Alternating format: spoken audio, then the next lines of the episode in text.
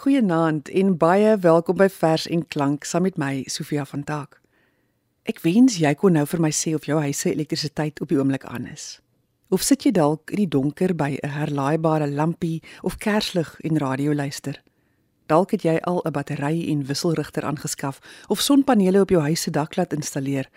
Ja, dit klink my dit is maar ons voorland, né? Nee?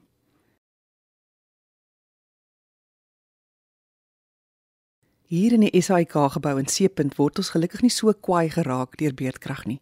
Hier's kragopwekkers wat aanskop sodra Eskom ons verlaat, maar in daardie paar tellings wat dit so choop stil en pikdonker in die ateljee is, sê ek telkens vir myself, wat van 'n vers en klankprogram oor beerdkrag.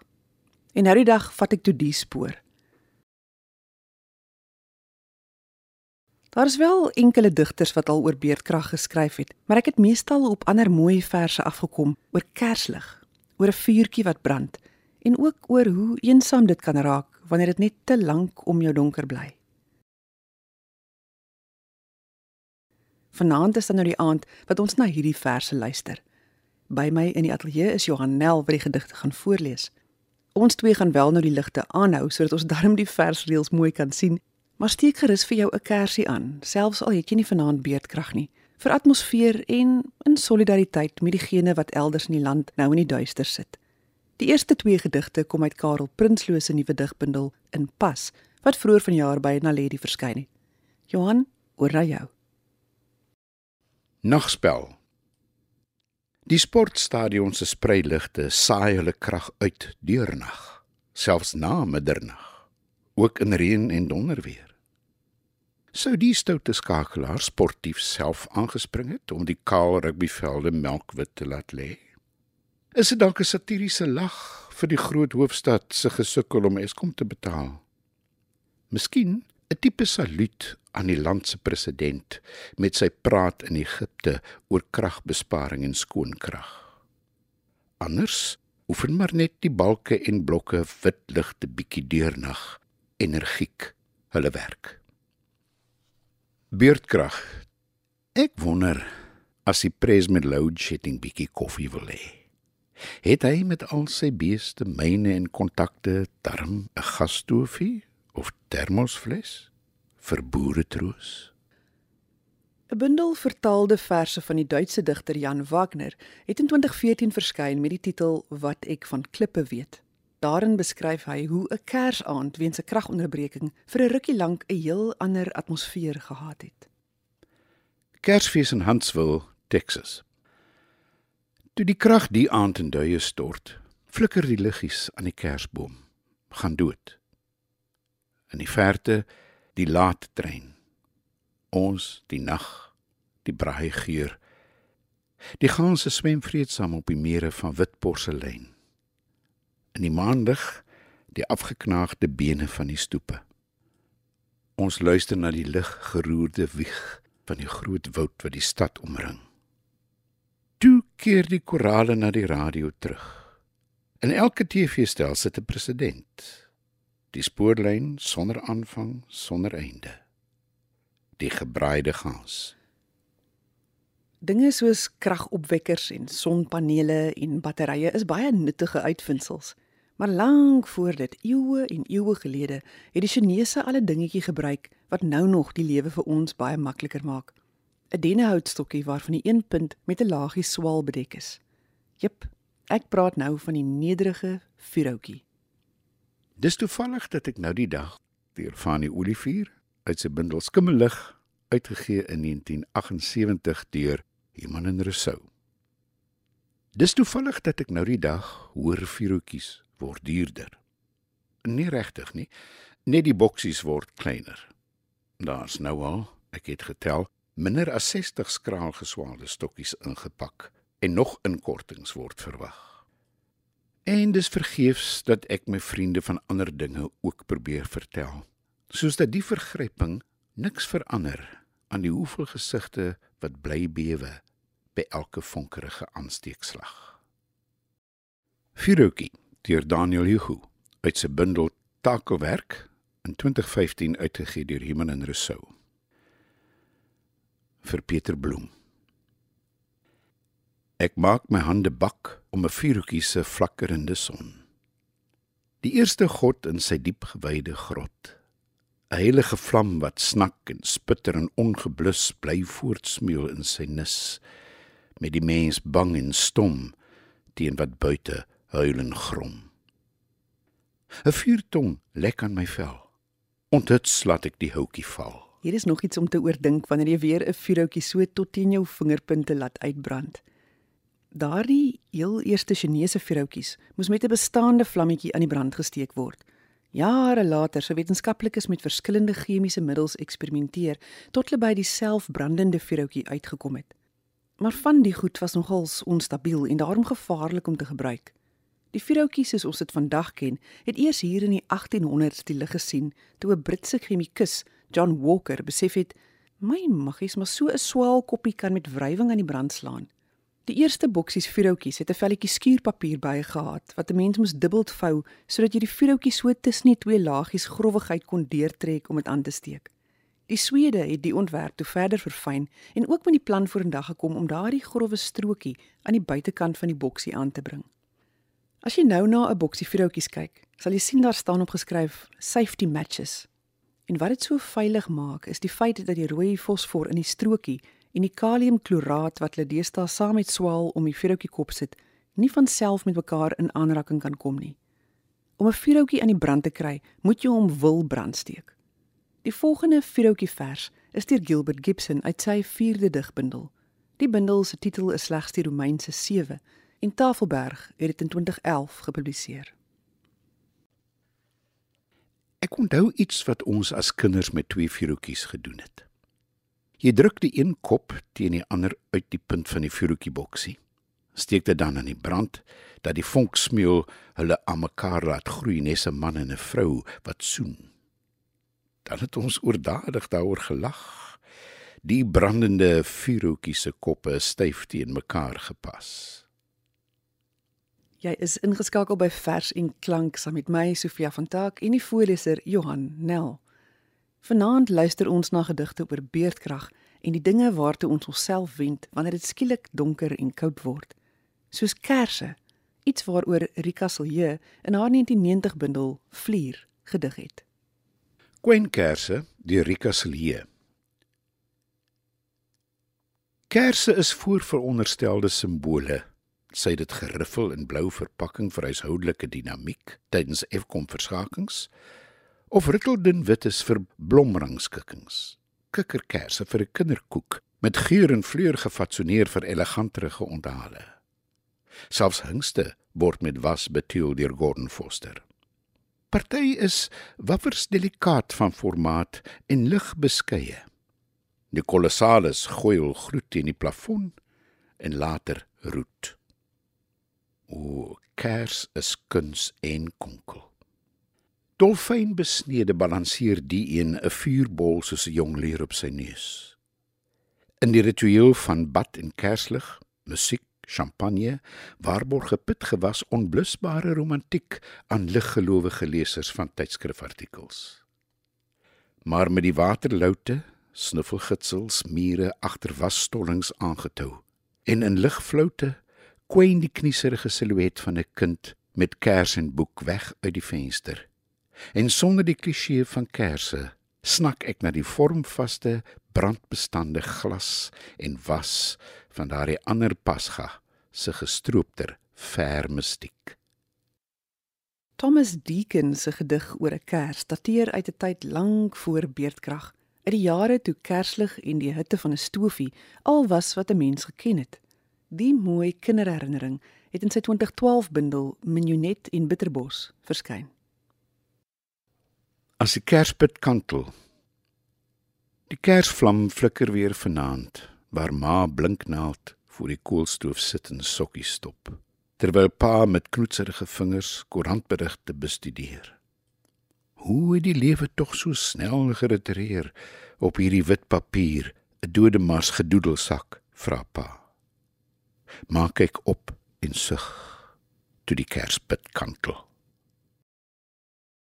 In die Afrikaanse digkuns is daar natuurlik een baie bekende vers oor 'n kers. C. Langehoven wat vertel hoe die flikkerende vlammetjie 'n mot heeltemal betower. Die ander motte was dom en dwaas, maar ek sal ver van die kers af bly. Hier ver uit die skemerte sal ek kyk. Hier ver is dit veilig en kyk is vry. Maar ek hoef nie van een kant net te kyk. Ek vlieg op dieselfde afstand om, dan weet ek van alkant hoe hy lyk om beter te sorg om nie nader te kom. My sirkel is skief en ingebuig, maar daar ook nog waar ek naaste was, het daar niks gebeur. Ek maak verniet my velling so groot en so ver van die as. Die wielietjie draai al vinniger om en die lig en die gloed word al groter genot. En die vellings word nouer al rondom die as. En die end van die wiel is die as van die mot van 'n vuurhoutjie na 'n kers na 'n volskaalse vuur. Is dit dalk daar by jou al koud genoeg om vanaand 'n kaggeltjie te kon pak? Kom ons luister na wat P.J. Philander oor sy vuurtjie gedig het. Winteraand deur P.J. Philander uit sy bundel Uurglas uitgegee deur Nasionale Boekhandel in 1955. Vroeë aand en my deurtjie reeds gesluit die kaggeltjie knetter met ou droë hout terwyl die onweer buite swart en koud kapoksnippers waai teen die vensterruit. En vereenselwig met die vuur, vir ure stil, het ek die bloedrooi kole diep aanskou tot in die dik laag kapok die ruit opgebou, die lewende vlamme tot 'n flikkering vervlou. Is ek net deur broos glas geskei van donker doodskoue? brand my vuurtjie reeds in sy rookwolk se voue laar en dowwer tot houtskool en as die kersse vet sien ek smelt en druip tot 'n klein sampioen op die blakkerpyp en raaf swart op die plakpapier die skadu mimiek van myself die kers en die dooie vuur koeltjie vuur koeltjie bloedrooi koeltjie Jy's hopeloos te gou in jou askombersie toegevou. Met elke warreling van die wind moes jy met hernuide vuur vlammend bo die as uitmunt. 'n Nuwe vlam opskiet in die donker skoorsteen van my verdriet. Maar nou sien jy net as in my huis se koue graf waar voorheen soveel warmte was. Lank voor P.J. Philander het Jan F. Eselje ook so met net sy eie gedagtes vir geselskap by 'n vuurtjie gesit. Syne was egter iewers in die veld, waarskynlik tydens die Anglo-Boereoorlog. Toe die oorlog uitbreek, het Silje by 'n komando aangesluit. Hy dagboek gehou van sy belewennisse en dit is later gepubliseer. Silje was ook voor die oorlog 'n landmeter in die Bosveld en daar het hy sekerlik ook menige donker nag so op sy eie by 'n vuur deurgebring. Die feit dat hy al van sy kinderjare af begin doof word het, het hom nog meer verwyderd van die samelewing laat voel. Die afsondering hoor 'n mens ook in die gedig wat Johan volgende vir ons voorlees. Eensaamheid uit die bundel Die vlakte en ander gedigte in 1908 uitgegee deur Volksstem drukkery. My vuurtjie en ek is op wag. My vuurtjie en ek alleen. Die avondster winkel van ver en die velde slaap omheen. En stadigies sterwe die dag, soos een in sy armoed verlaat.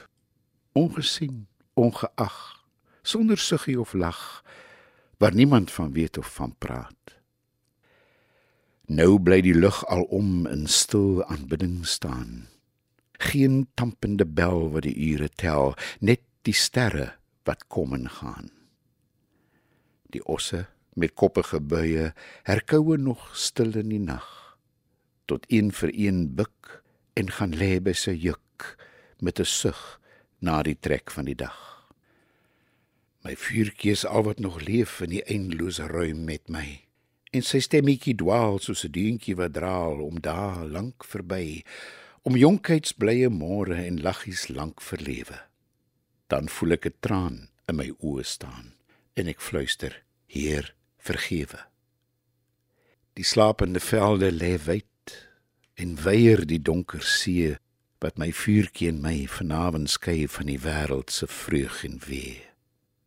Ek weet daar's fees vanaand in menig verligte saal, maar geen een wat my mis by die dans en die dis. 'n Balling vergeet en verdwaal. Maar al is ek ver van die skaar in eensaamheidswoning getrede, ek voel my soos een met die Heer alleen.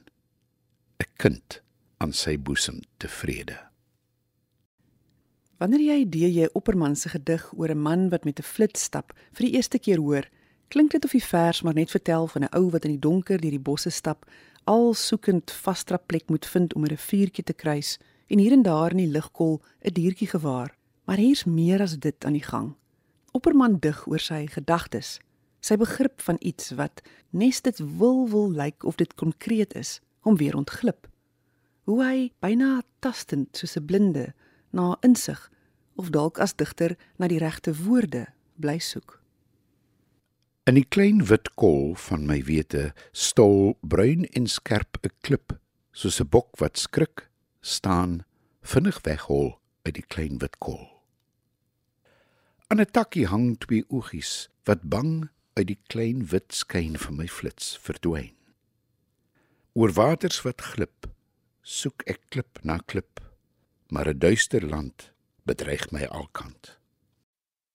Hier's nog 'n gedig wat jy sekerlik sal herken, die keer deur Tosius oor 'n man wat in die nag in sy huis rondstrompel op soek na 'n liggie.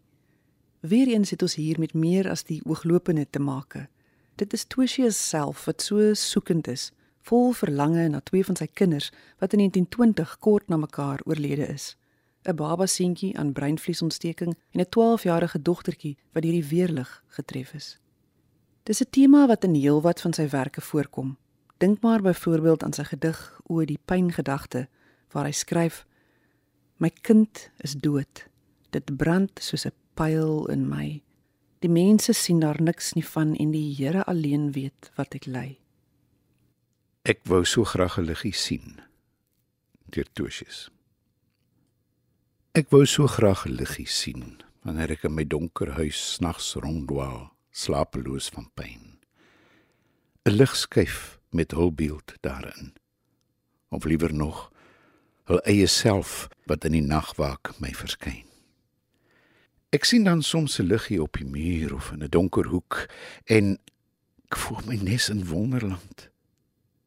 Maar kyk ek goed, dan is dit 'n verdwaalde straaltjie van die maan of van 'n straatlamp wat nog brand. Hoe wysheid tower met sy eks en violet lig in die donkerheid. Kan hy nie vind 'n ligglans meer verborge nog waarin verskyn die beeldnis van 'n weggestorwe lieflingskind? Ek vra. Intussen wyk die maan of skielik gaan die straatlamp uit en dis weer oral aklig swart. Ek gaan na bed, moeg van die soek en moeg van pyns met net die lamp van my geloofie in my hart. Ons sluit vanaand af met 'n gedig deur Sheila Cousins oor die teespoed wat 'n mens so maklik kry wanneer jy in 'n donker huis moet rondkarring. Ek groet namens myself en Johanel 'n mooi en helder verligte aand vir jou.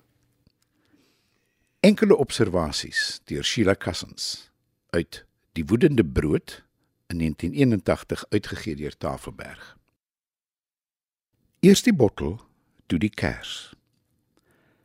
Die wyn loop dun uit oor die marmerblad soos water uit 'n sy, lig bloedbetint. Geen gil, net 'n fyn en rinkelende klag van skerwe gevee in 'n skop in. Pensend gaan sit ek elders en voeter met my voete op die tafel 'n brandende kers in 'n blaker om. Smak van koper op hout, maar ek koel nie vinniger as die hande van my skrik nie. Wyn ontfles gaan lê net breed, dun uit en drup oor die tafelrand, hoogstens met 'n nat verwyt. Maar vuur vee jy nie in 'n skop, week jy nie met 'n dweil op nie. En tog is jy ook gedoem, langsaam sinkende vlam. Elke ding waardeur die dood kom, dra sy eie dood in hom. Het ek moord gepleeg? Dikwels seker op hoeveel vreugde, hoop en verwagting in die hart van 'n ander. Die aard van alles is 'n verwronge aard. Ek sal in my dagboek later noteer 'n bottel goeie klaret gebreek en amper skade van vuur gehad. Dan bid en beloof so stof onder die bed om die duiwel voortaan effektiewer te haat.